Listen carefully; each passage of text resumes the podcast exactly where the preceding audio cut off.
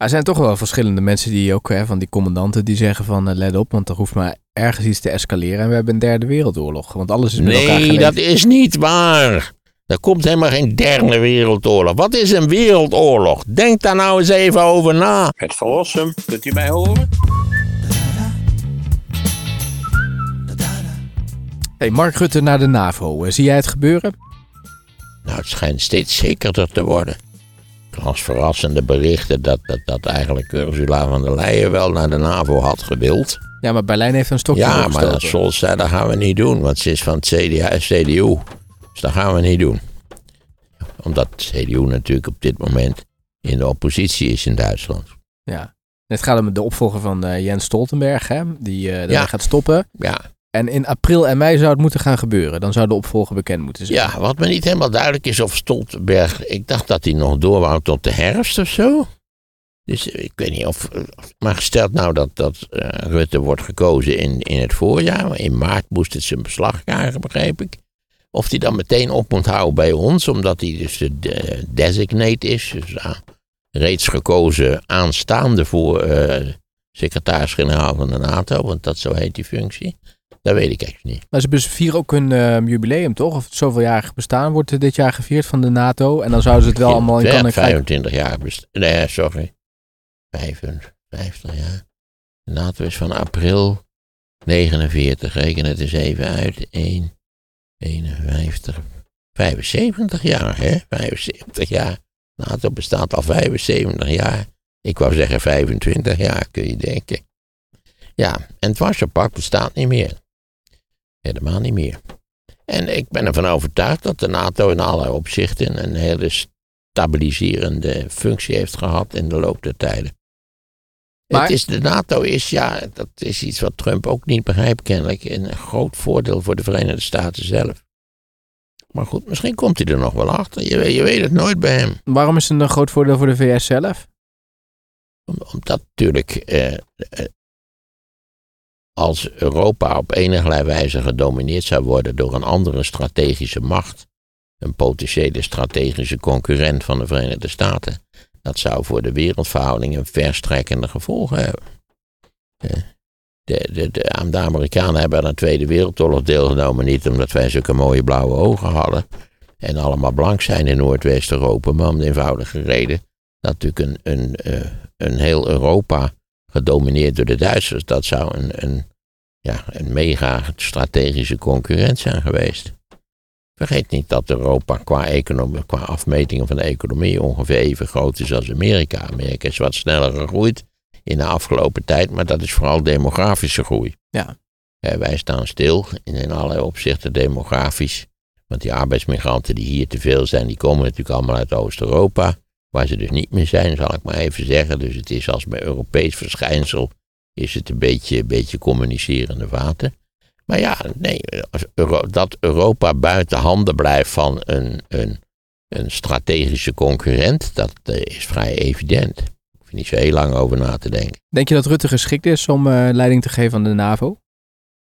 Als het gaat om schikken en plooien, en ik begrijp dat dat daar een belangrijke rol speelt, eh, zeker op het wat iets lagere niveau, dan is hij daar geknipt voor. En verbindende factor moet hij zijn? Ja, daar was hij ook goed in. Want ja, nu ineens weer klikt natuurlijk allerlei loftuitingen eh, voor, voor Mark Rutte. Aangezien zijn opvolster er natuurlijk voor totaal niets van gebakken heeft. En nou, zij het gaat overleven, deze hele crisisfase, dat is maar de vraag. Nou, er wordt wel gezegd dat als Rutte dus eh, vroegtijdig weggaat en er is nog geen nieuw kabinet, waar het toch wel op lijkt, dan wordt Jezilkes mogelijk eh, de tijdelijke premier. Dat wil ik nog wel eens zien. Ja, ik hoorde ook dat Remkes genoemd werd, maar daarvan ben- zei Voermans van dat eh, is niet zo handig. Want dat is iemand die ook een rol heeft gespeeld bij de totstandkoming van dit kabinet, speelt nu geen actieve rol. Dus dat zag hij niet meteen voor zich. Ik zou eh, Jezilgus geen minister-president maken, aangezien ze tot op heden een ongelooflijk talent heeft getoond om alles verkeerd te doen wat je verkeerd kunt doen. Ja, maar voor de VVD zou het wel strategisch slim zijn. Ja, maar ik- of, of, want je geeft er wel een extra mogelijkheid om fouten te maken. Dus ik vind het niet zo'n gelukkig idee. Ik zou. eh ik kunnen ze een, een of andere vicepremier eh, zo gek krijgen, ik weet het niet. Nou ja, Rob Jetten heeft al Dat gezegd, precies. Ik begon net te denken. Zou het niet enorm geestig zijn om iedereen tegen de schenen te schoppen om Rob Jetten tijdelijk premier te maken? Nou, Rob hebben ze gevraagd en die zei ik blijf liever toch in de Kamer eh, Oh, leiding geven aan de oké. oppositiepartij D66. Ik vond dat hij ook de oppositierol goed speelde. Hij deed leuk. Ja, hij is erg gegroeid. Ik denk ook door, mede doordat hij minister is geweest. Dat zou best kunnen. Maar goed, dat is wat hij nu zegt. Het schijnt kan, een hardwerkende minister te zijn. ja, die zou het ook kunnen. Alleen, Al is hij met die, met die salderingsregeling wel eh, de mist ingegaan in de Eerste Kamer. ja, want die blijft voorlopig, hè? Ja, Nou ja, is voor jou goed nieuws. voor mij is het geweldig goed nieuws. Ik bedoel, financieel, economisch is er veel goed nieuws voor mij. Energieproducent van Rossum. Ja, precies. Ja. Eh, dat is zonder meer een feit. Al heb ik daar, ik heb gemengde gedachten over de salderingsregeling. Het is een van die ongelukkige dingen waarbij je, waarbij voor beide zijden wel iets te zeggen valt. Maar je wilt toch zoveel mogelijk mensen aan de duurzame energie krijgen. Dus dat het nog even wat langer blijft bestaan. Ja, maar of je dat precies in deze vorm. Kijk, het is zo'n enorm succes geworden. eh, in Nederland, die, door die salderingsregeling overigens. Dat je natuurlijk, dat er wel praktische argumenten zijn tegen de salderingsregeling. Zoals? Nou, dan moet je me nou niet direct vragen, maar het is een onrechtvaardige regeling in die zin dat die, al die zonneschermen natuurlijk, dat die hun eh, maximale productie leveren op het moment dat het niet zo nodig is. Dat is natuurlijk een van de grote problemen. En dat die salderingsregeling, die wordt in feite betaald door alle stroomgebruikers. Ook die mensen die geen zonnepanelen hebben. En daar zit natuurlijk wel een factor onrechtvaardigheid in, want als je die zonnepanelen, die kosten je wat. Die moet je namelijk die moet je kopen. Dan ben ik even vergeten wat ik betaald heb. Ik dacht iets van 11.000 euro. En dan gaat het om de terugverdientijd. Hoeveel jaar doe ik erover ja, voordat ik het terugverdien? Ja, En met die salderingsregeling gaat het sneller dan zonder die ja, salderingsregeling. want zij zeiden dat ook de wet die nu is afverworpen in de Eerste Kamer, die zou eh, nog steeds heel voordelig zijn voor mensen met, met eh, zonnepanelen, maar het zou wel veel langer duren voordat ze het terugverdiend hadden. Ja, dus het is minder aantrekkelijk om ze ook op je dak te en leggen. het argument tegen was, van de tegenstemmers was, ja, dan heb je dus eh, die salderingsregeling gemaakt, waardoor, weet ik veel, eh, geloof in Nederland, Nederland 60 miljoen van die panelen liggen, en die een enorm aantal kan zijn. Dat ik er nul te veel of nul te weinig bij geteld heb, dat, moet- dat eh, weet ik niet precies. Maar het was iets in die geest in ieder geval. En de redenering was, veel mensen hebben die dingen genomen op basis van de aanwezigheid van de salderingsregeling.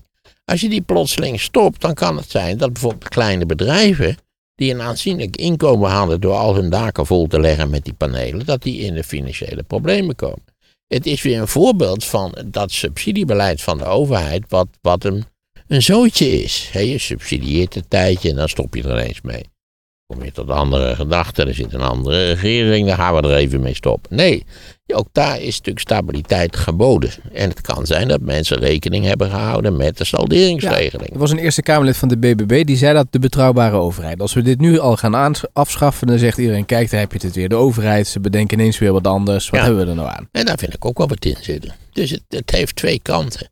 Heel veel, ja, dat is een heel vervelende zaak. Maar heel veel dingen in het leven hebben twee kanten. Ja, Hè? Waarbij er is iets voor het een te zeggen en er is iets voor het ander te zeggen. En wat je dan moet doen, ja, een stuiver opgooien. Ik moet je overigens wel zeggen dat eh, ik heb daar laatst eens een stuk over gelezen. Die techniek rond die zonnepanelen, die gaat ook enorm snel. Hè? Want, het is nu Gigantisch, die ontwikkelingen zijn werk spectaculair. want het is nu zo dat zeg maar, de zwakste schakel van de panelen bepaalt ook de prestatie van de rest. Dus als jij één paneeltje in de, in de schaduw hebt liggen, betekent het ook dat diegenen die vol in de zon zitten ook minder oplevert. Nou, Maar er zijn dus nu allemaal technieken die ervoor ik zorgen. ben op die plek waar mijn panelen liggen nooit zelf geweest. Er zit, nou, ja, je zou het niet zeggen als je naar de voorkant van deze huizen kijkt. Maar aan de achterkant zit een vrij groot plat dak. En daar liggen die, die 12 panelen op voor mij. Ja, maar ze liggen dan een groot gedeelte de- van de dag lekker in de zon, denk ik. Ja, wel, maar je kunt, als je naar je, naar je, je app kijkt, om het maar even zo te zeggen, die op dit moment overigens niet werkt, maar goed. Als je naar de app kijkt, dan zie je, niet waar, hoe, dat die, die curve die is hoogst interessant. Dus dat loopt enorm op in de loop van Ja. de dag en dan na, na vier uur of zo, dan is het lauw loenen, dan is er, dan is er niet veel aan de hand. Maar volgens mij kun je ook per en ook paneel die zien. jaarcurve is heel interessant, want het is natuurlijk, je begrijpt wel, in november is het al niet veel meer en nu is het ook niet veel meer natuurlijk. Eh, in ieder geval hoeven ze niet met deze regenval schoon te maken, want eh, ik, ik geloof dat je ze eigenlijk niet hoeft schoon te maken. Maar goed, dit is nog weer een andere kwestie. Ja, maar daar zie je ook dat ja, in, in juli dat is, dat is de top en dan daarna neemt het weer af. Maar je kunt ook zien Dus per het, is, paneel. het, is, het is eigenlijk onhandig. Wat je moet doen, en dat is de volgende fase natuurlijk, is dat je een enorme grote batterij koopt. dat je kunt opslaan. Ja, en dat je je eigen elektriciteit maakt Ja. en opslaat. En dat je natuurlijk, ja, de meeste huisgezinnen zijn natuurlijk geen groot verbruikers van elektriciteit. Dus dat kan met zo'n batterij goed gerund worden. Maar ik hoorde van iemand, je kunt nu eh, de capaciteit van die batterij, dat je voor een dag aan stroom, dat is volgens mij 6 kilowattuur, kun je opslaan. Dus dat is natuurlijk niet veel. Nee, dat is niet veel. En die dingen zijn best prijzig. Dus je, d- dus toch echt even wachten op dat dat wat, eh, wat harder gaat lopen. Maar stel dat die salderingsregeling wel zou worden nee, afgeschaft. precies. Maar je zou, eh, misschien moet je dan een subsidieregeling voor die batterijen construeren. Ik Ja. heb geen idee hoe groot die zijn. Ik heb wel eens gelezen dat het handig zou zijn om batterijen die in auto zijn niet meer voldoende zijn, maar wel nog bijvoorbeeld 60, 70 procent capaciteit hebben, dat je die daarvoor relatief goedkoop zou kunnen gebruiken. Maar ik praat hier over dingen waar ik totaal geen verstand van heb. Nou, sterker nog, volgens mij kun je daar gewoon je auto voor je deur kun je gebruiken als ook. opslag. Je kan je auto ook gebruiken natuurlijk als opslag, want je kunt de batterij van je auto opladen. Ja. En Ja. nou moet ik zeggen, ik moet je zeggen, ik heb nu eh, Tesla van mijn zoon geleend. Wel een iets oudere Tesla, al een jaar of vier, vijf oud geloof ik. Maar eh, na twee dagen Tesla-ervaring eh, en Verrossum gaat voorlopig geen elektrische auto kopen. Dat kan ik je wel zo Hoe was het gisteren naar eh, Noordwijk? Ging dat goed? Naar school moest ik rijden. Oh, naar school, ja. Mijn, mijn zoon had dat ding hier afgeleverd. We waren samen eh, bij de supercharger in, in Bunnik waar we stroom gaan laden. Want je hebt geen laadpaal hier, hè? Voor je huis. Nee, ik heb zelf geen laadpaal, want ik, ik heb geen elektrische auto. Ik heb een, ik heb een, een hybride auto, dus dat is daar eh, niet nodig bij. Mag ik ook nog even, voordat het verhaal verder gaat, opwijzen dat als ik gewoon benzine tank, dan kan ik 1050 kilometer rijden. 1050 kilometer kan ik rijden. Wij hadden bij de supercharger elektriciteit getankt. Het is aanbevelingswaardig om de batterij van de Tesla voor ongeveer 80% te vullen. We hadden er ietsje meer in gedaan. Dus er zat voor 330 kilometer stroom in. Nou, op en neer naar school, dat is 100 kilometer. Terug 100 kilometer, 200 kilometer gereden. Dus er zat toen nog voor 130 kilometer stroom in. Gisteravond eh, ging ik eten met mijn zwager en eh, kennissen. eh, en moest ik mijn zwager ophalen, want die heeft geen auto, die heeft geen rijbewijs. En ik moest mijn zwager natuurlijk ook weer terugbrengen. En ik moest bovendien naar het restaurant rijden waar we dat gezellige etentje gingen. Heerlijke pannenkoeken eh, gingen houden. Eh, nou ja, dan heb je dus nog. Zit, wat dat moet ik er nog bij zeggen. Eh, ik had, eh, ik wist niet, ik had dat uitgerekend dat ik na die rit naar school had ik nog 137 kilometer. Ik durfde eigenlijk niet erop te gokken. Bovendien zou ik dan tegen mijn zoon, als hij hem weer op komt halen, moeten zeggen: joh, er zit nog 80 kilometer in. Het is, eh, misschien moet je het laatste stukje van de rit naar Haarlem al het eh, 25 kilometer per uur. Nou, dat wist ik. Dus ik dacht, ik ga even tanken. Elektriciteit tanken bij de super. Ik wil zeg maar even supercharger. Ik bedoel, dat denk je toch van bang. Spider-Man himself gaat tanken. En nou, dat had ik ook, dat wist ik ook. Je moet, als je naar de supercharger gaat, dan eh, moet je dat op het scherm intypen. Want dan weet de auto dat hij naar de supercharger gaat en dan begint hij vast de batterijen op te warmen. Het probleem is wel een beetje dat de afstand van hier, waar wij nu staan, naar de supercharger, dat is nog geen 5 kilometer.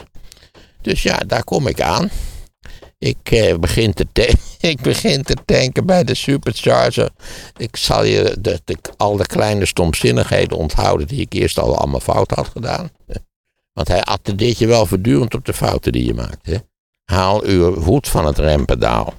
Dat soort van dingen. Mag jij raden, de supercharger die dus volgens het lees je in de krant. Bij die superchargers, je hebt echt in, in een stief kwartiertje heb je, dat, heb je er 80% in zitten. En toen kwam in het scherm nog 45 minuten bij de supercharger. Ik, heb, ja, ik had godzijdank de krant bij me, dus ik heb de krant zitten lezen. 45 Je vond het minuten bij de supercharger voor 200 kilometer. Kom maar op, wat een elektrische doe.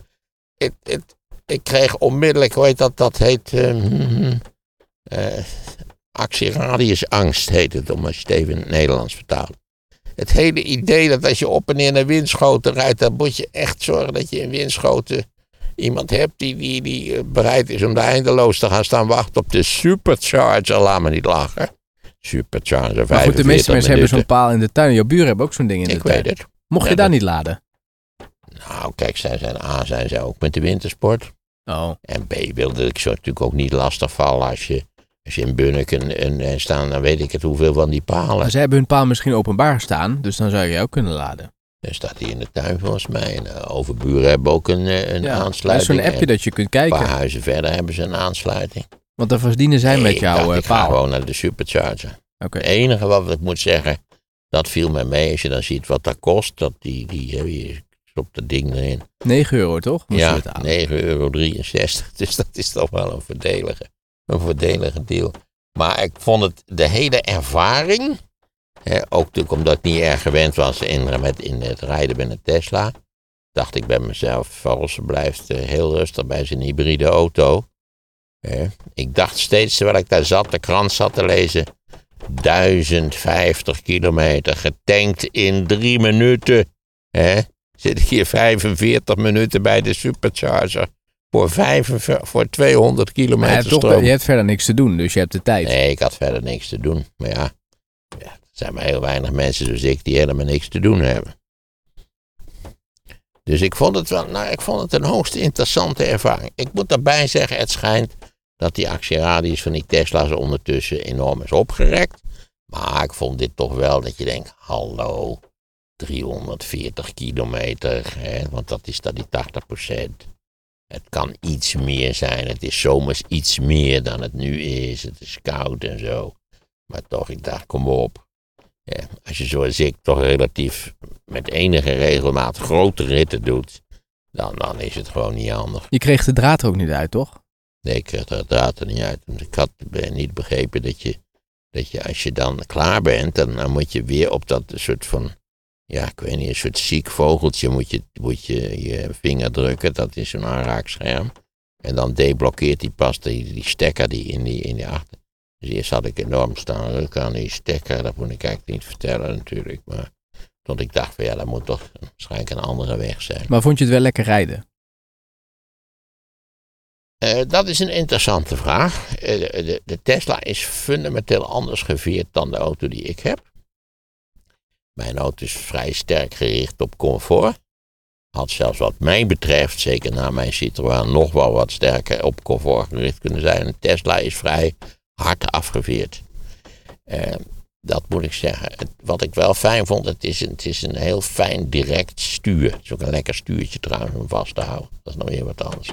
Dan zit er geen stuurverwarming op. Op deze althans zit geen stuurverwarming. Wat ik een geweldig accessoire vind.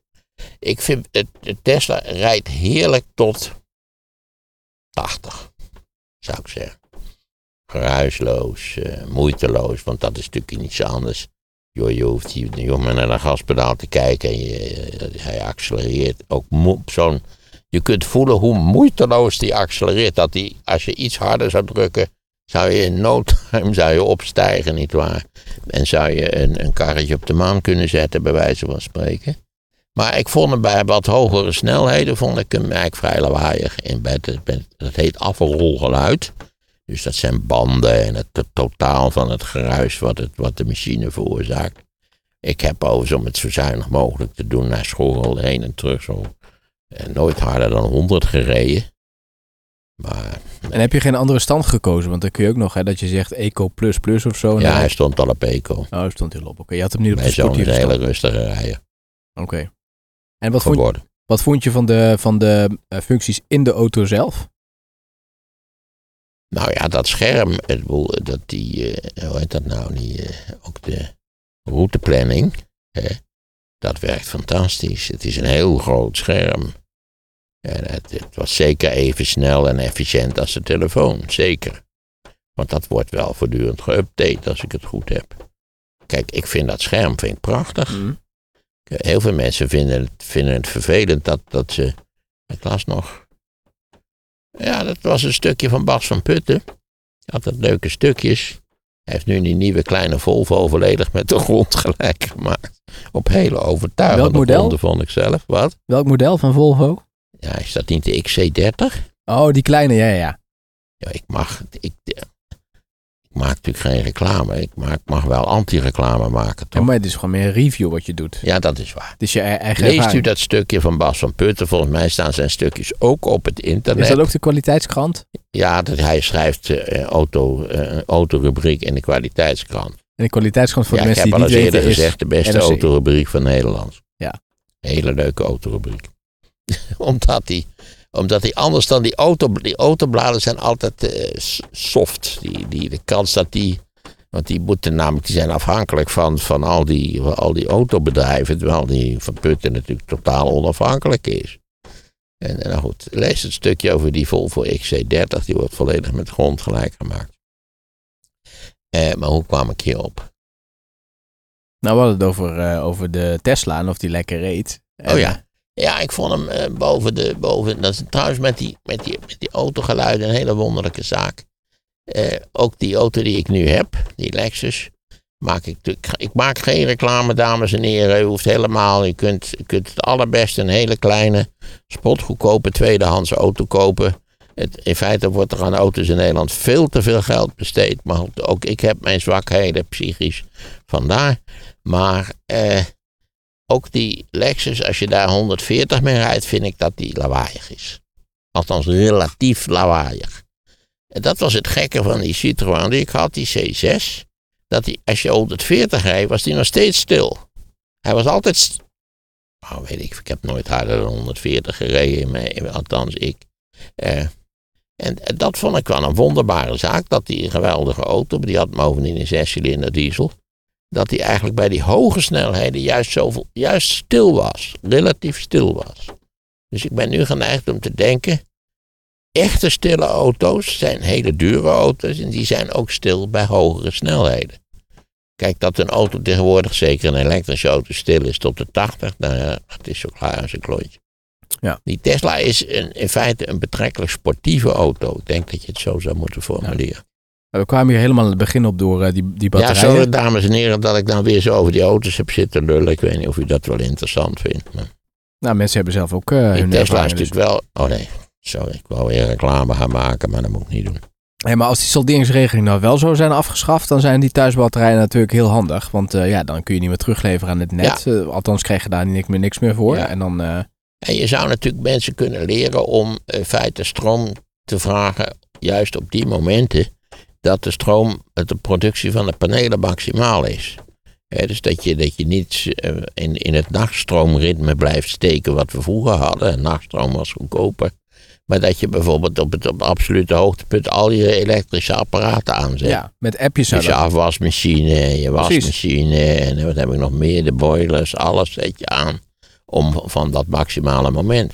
En je zou eventueel kennen, kunnen kijken of je dat zo kunt programmeren dat dat ook kan.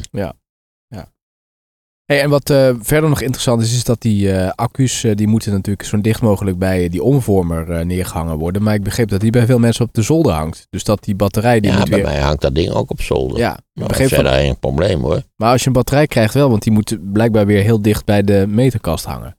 Dus dan moet je een hele afstand overbruggen. ik weet niet hoe, hoe, hoe groot die batterijen zijn of welke vorm ze hebben.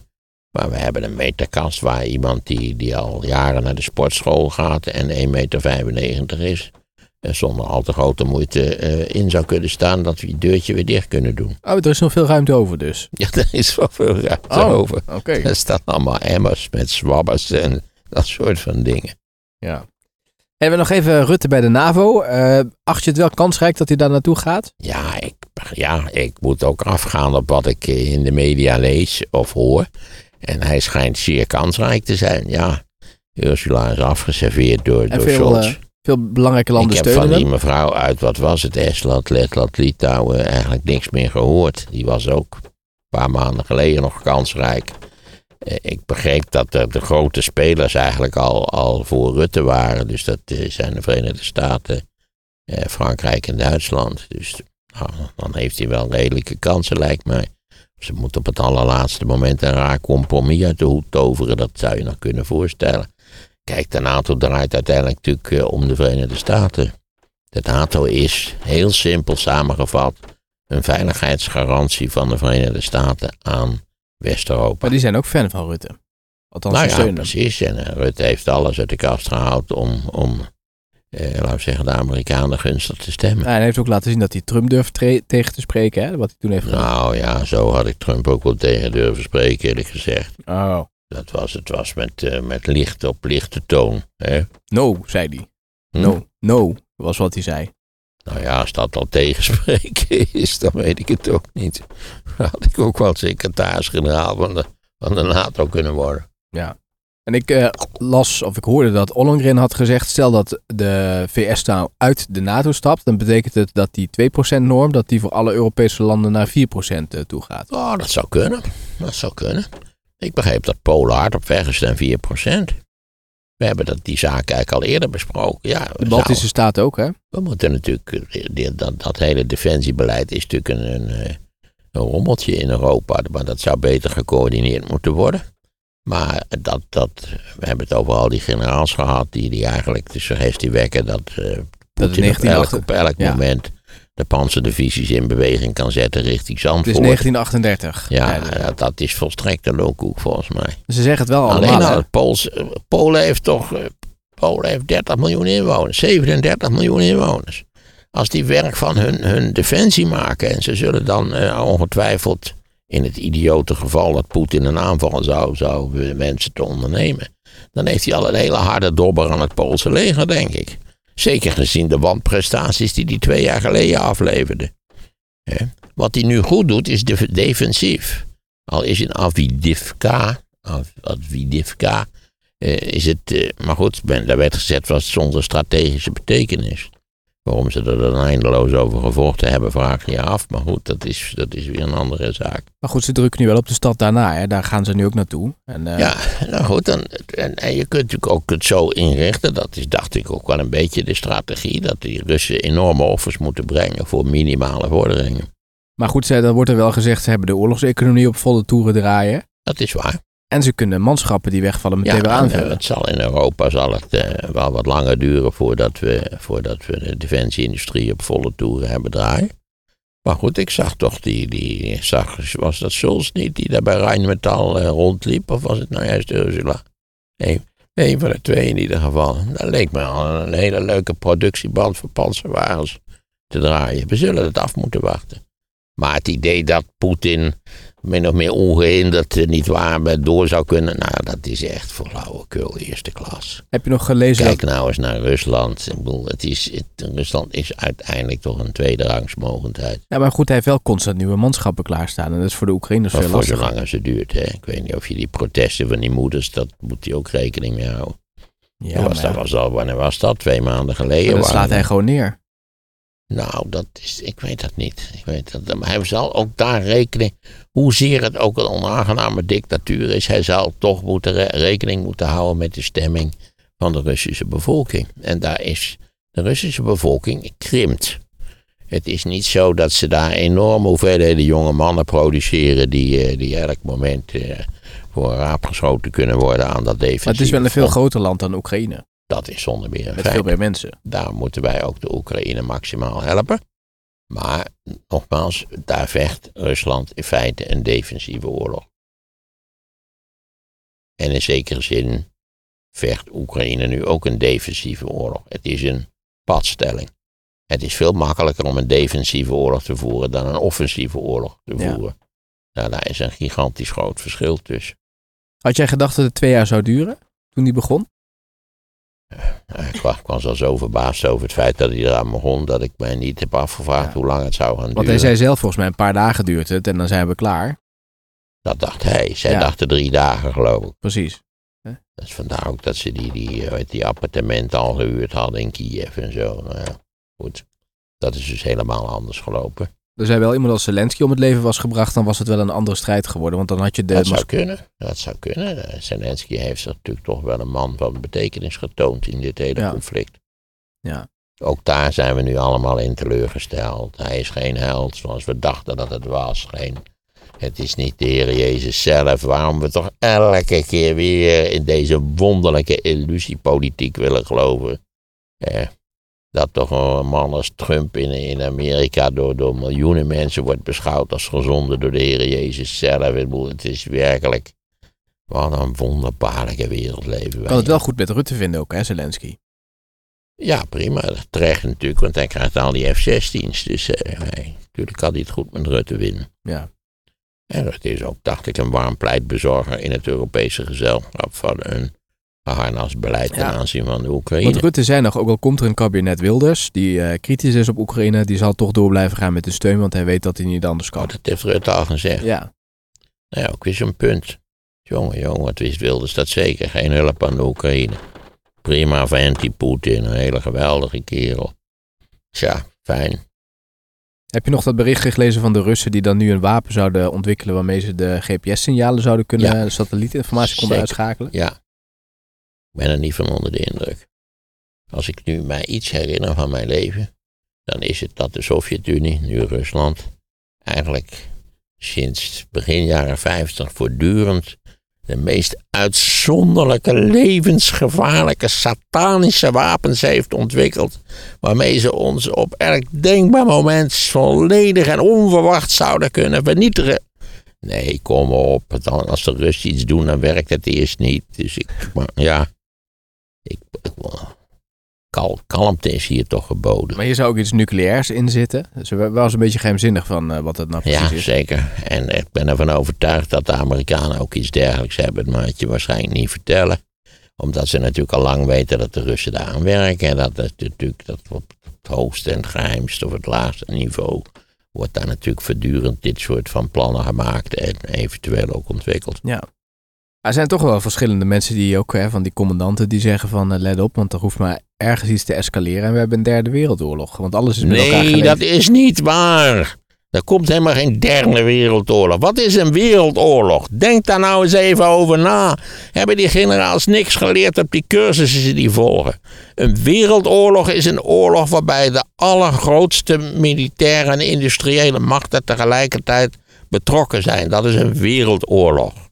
Het Duitsland van de jaren 30 was de op één na belangrijkste, sterkste industriële mogendheid ter wereld. Vervolgens was het een oorlog waarbij de Sovjet-Unie, die waarschijnlijk nummer drie was op dat moment, en de Verenigde Staten en Engeland, wat zijn empire nog had, tegelijkertijd vijf jaar lang in oorlog waren.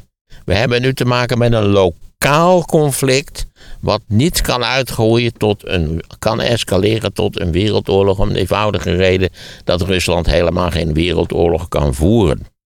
De enige die dat eventueel zouden kunnen, logistiek, zijn de Verenigde Staten, die trouwens ook waarschijnlijk in no time ammunitiegebrek zouden krijgen.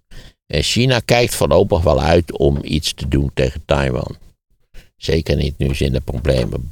Mensen houden nou toch op met dit, met dit paniekgelul. Ik vind het ook onverantwoordelijk.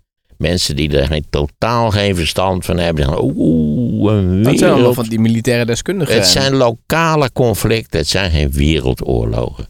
Het is verschrikkelijk wat er in Gaza en Israël gebeurt, maar het is, het is een lokaal conflict. Het is geen wereldoorlog. Iran is ook niet van plan om eens lekker uit te pakken, nietwaar? Zodat ze natuurlijk een sitting duck zijn voor eh, het Amerikaanse militaire apparaat of het Israëlische militaire apparaat. Dus wordt dit allemaal gezegd om maar financiële middelen vrij te krijgen? ik, ja. Of ze denken het echt en dan hebben ze niet goed nagedacht. Of ze moeten de term wereldoorlog niet gebruiken. Als je zou zeggen, er zijn allerlei hele vervelende lokale conflicten die misschien ook nog wel een, een stadium met je hoger zouden kunnen escaleren, oké, maar een wereldoorlog is wat anders. We hebben trouwens eh, eerder deze week een eh, podcast gemaakt die helemaal in het teken staat van twee jaar oorlog in eh, Oekraïne. Misschien heb je hem gehoord, maar het kan ook zijn dat je hem gemist hebt. Voor het gemak hebben we hem eventjes hieronder in de beschrijving bij deze podcast gezet, zodat je hem makkelijk terug kunt luisteren. Er komt helemaal geen derde wereldoorlog. Wat is een wereldoorlog? Denk daar nou eens even over na. U denkt onmiddellijk natuurlijk aan mei voorjaar 79. Want wat gebeurt er dan? Heb je de live podcast van afgelopen vrijdag gemist? Dat was toen toch een, een opmerkelijke gebeurtenis. Over wat er gebeurde in Europa na de Tweede Wereldoorlog? Margaret Thatcher wordt gekozen als prime minister in Engeland. Luister nu terug via de link in de show notes. De eerste vrouwelijke prime minister in Engeland bovendien. En je kunt veel slechts van haar zeggen. En ideologisch lag ik niet op haar lijn. En goed nieuws voor Maarten, want er wordt op dit moment gewerkt aan een superbatterij waarbij je met één keer laden van Amsterdam naar München kunt rijden in Zuid-Duitsland. Meer daarover hoor je in de podcast Sea Level. Je luistert de aflevering nu via de link in de show notes.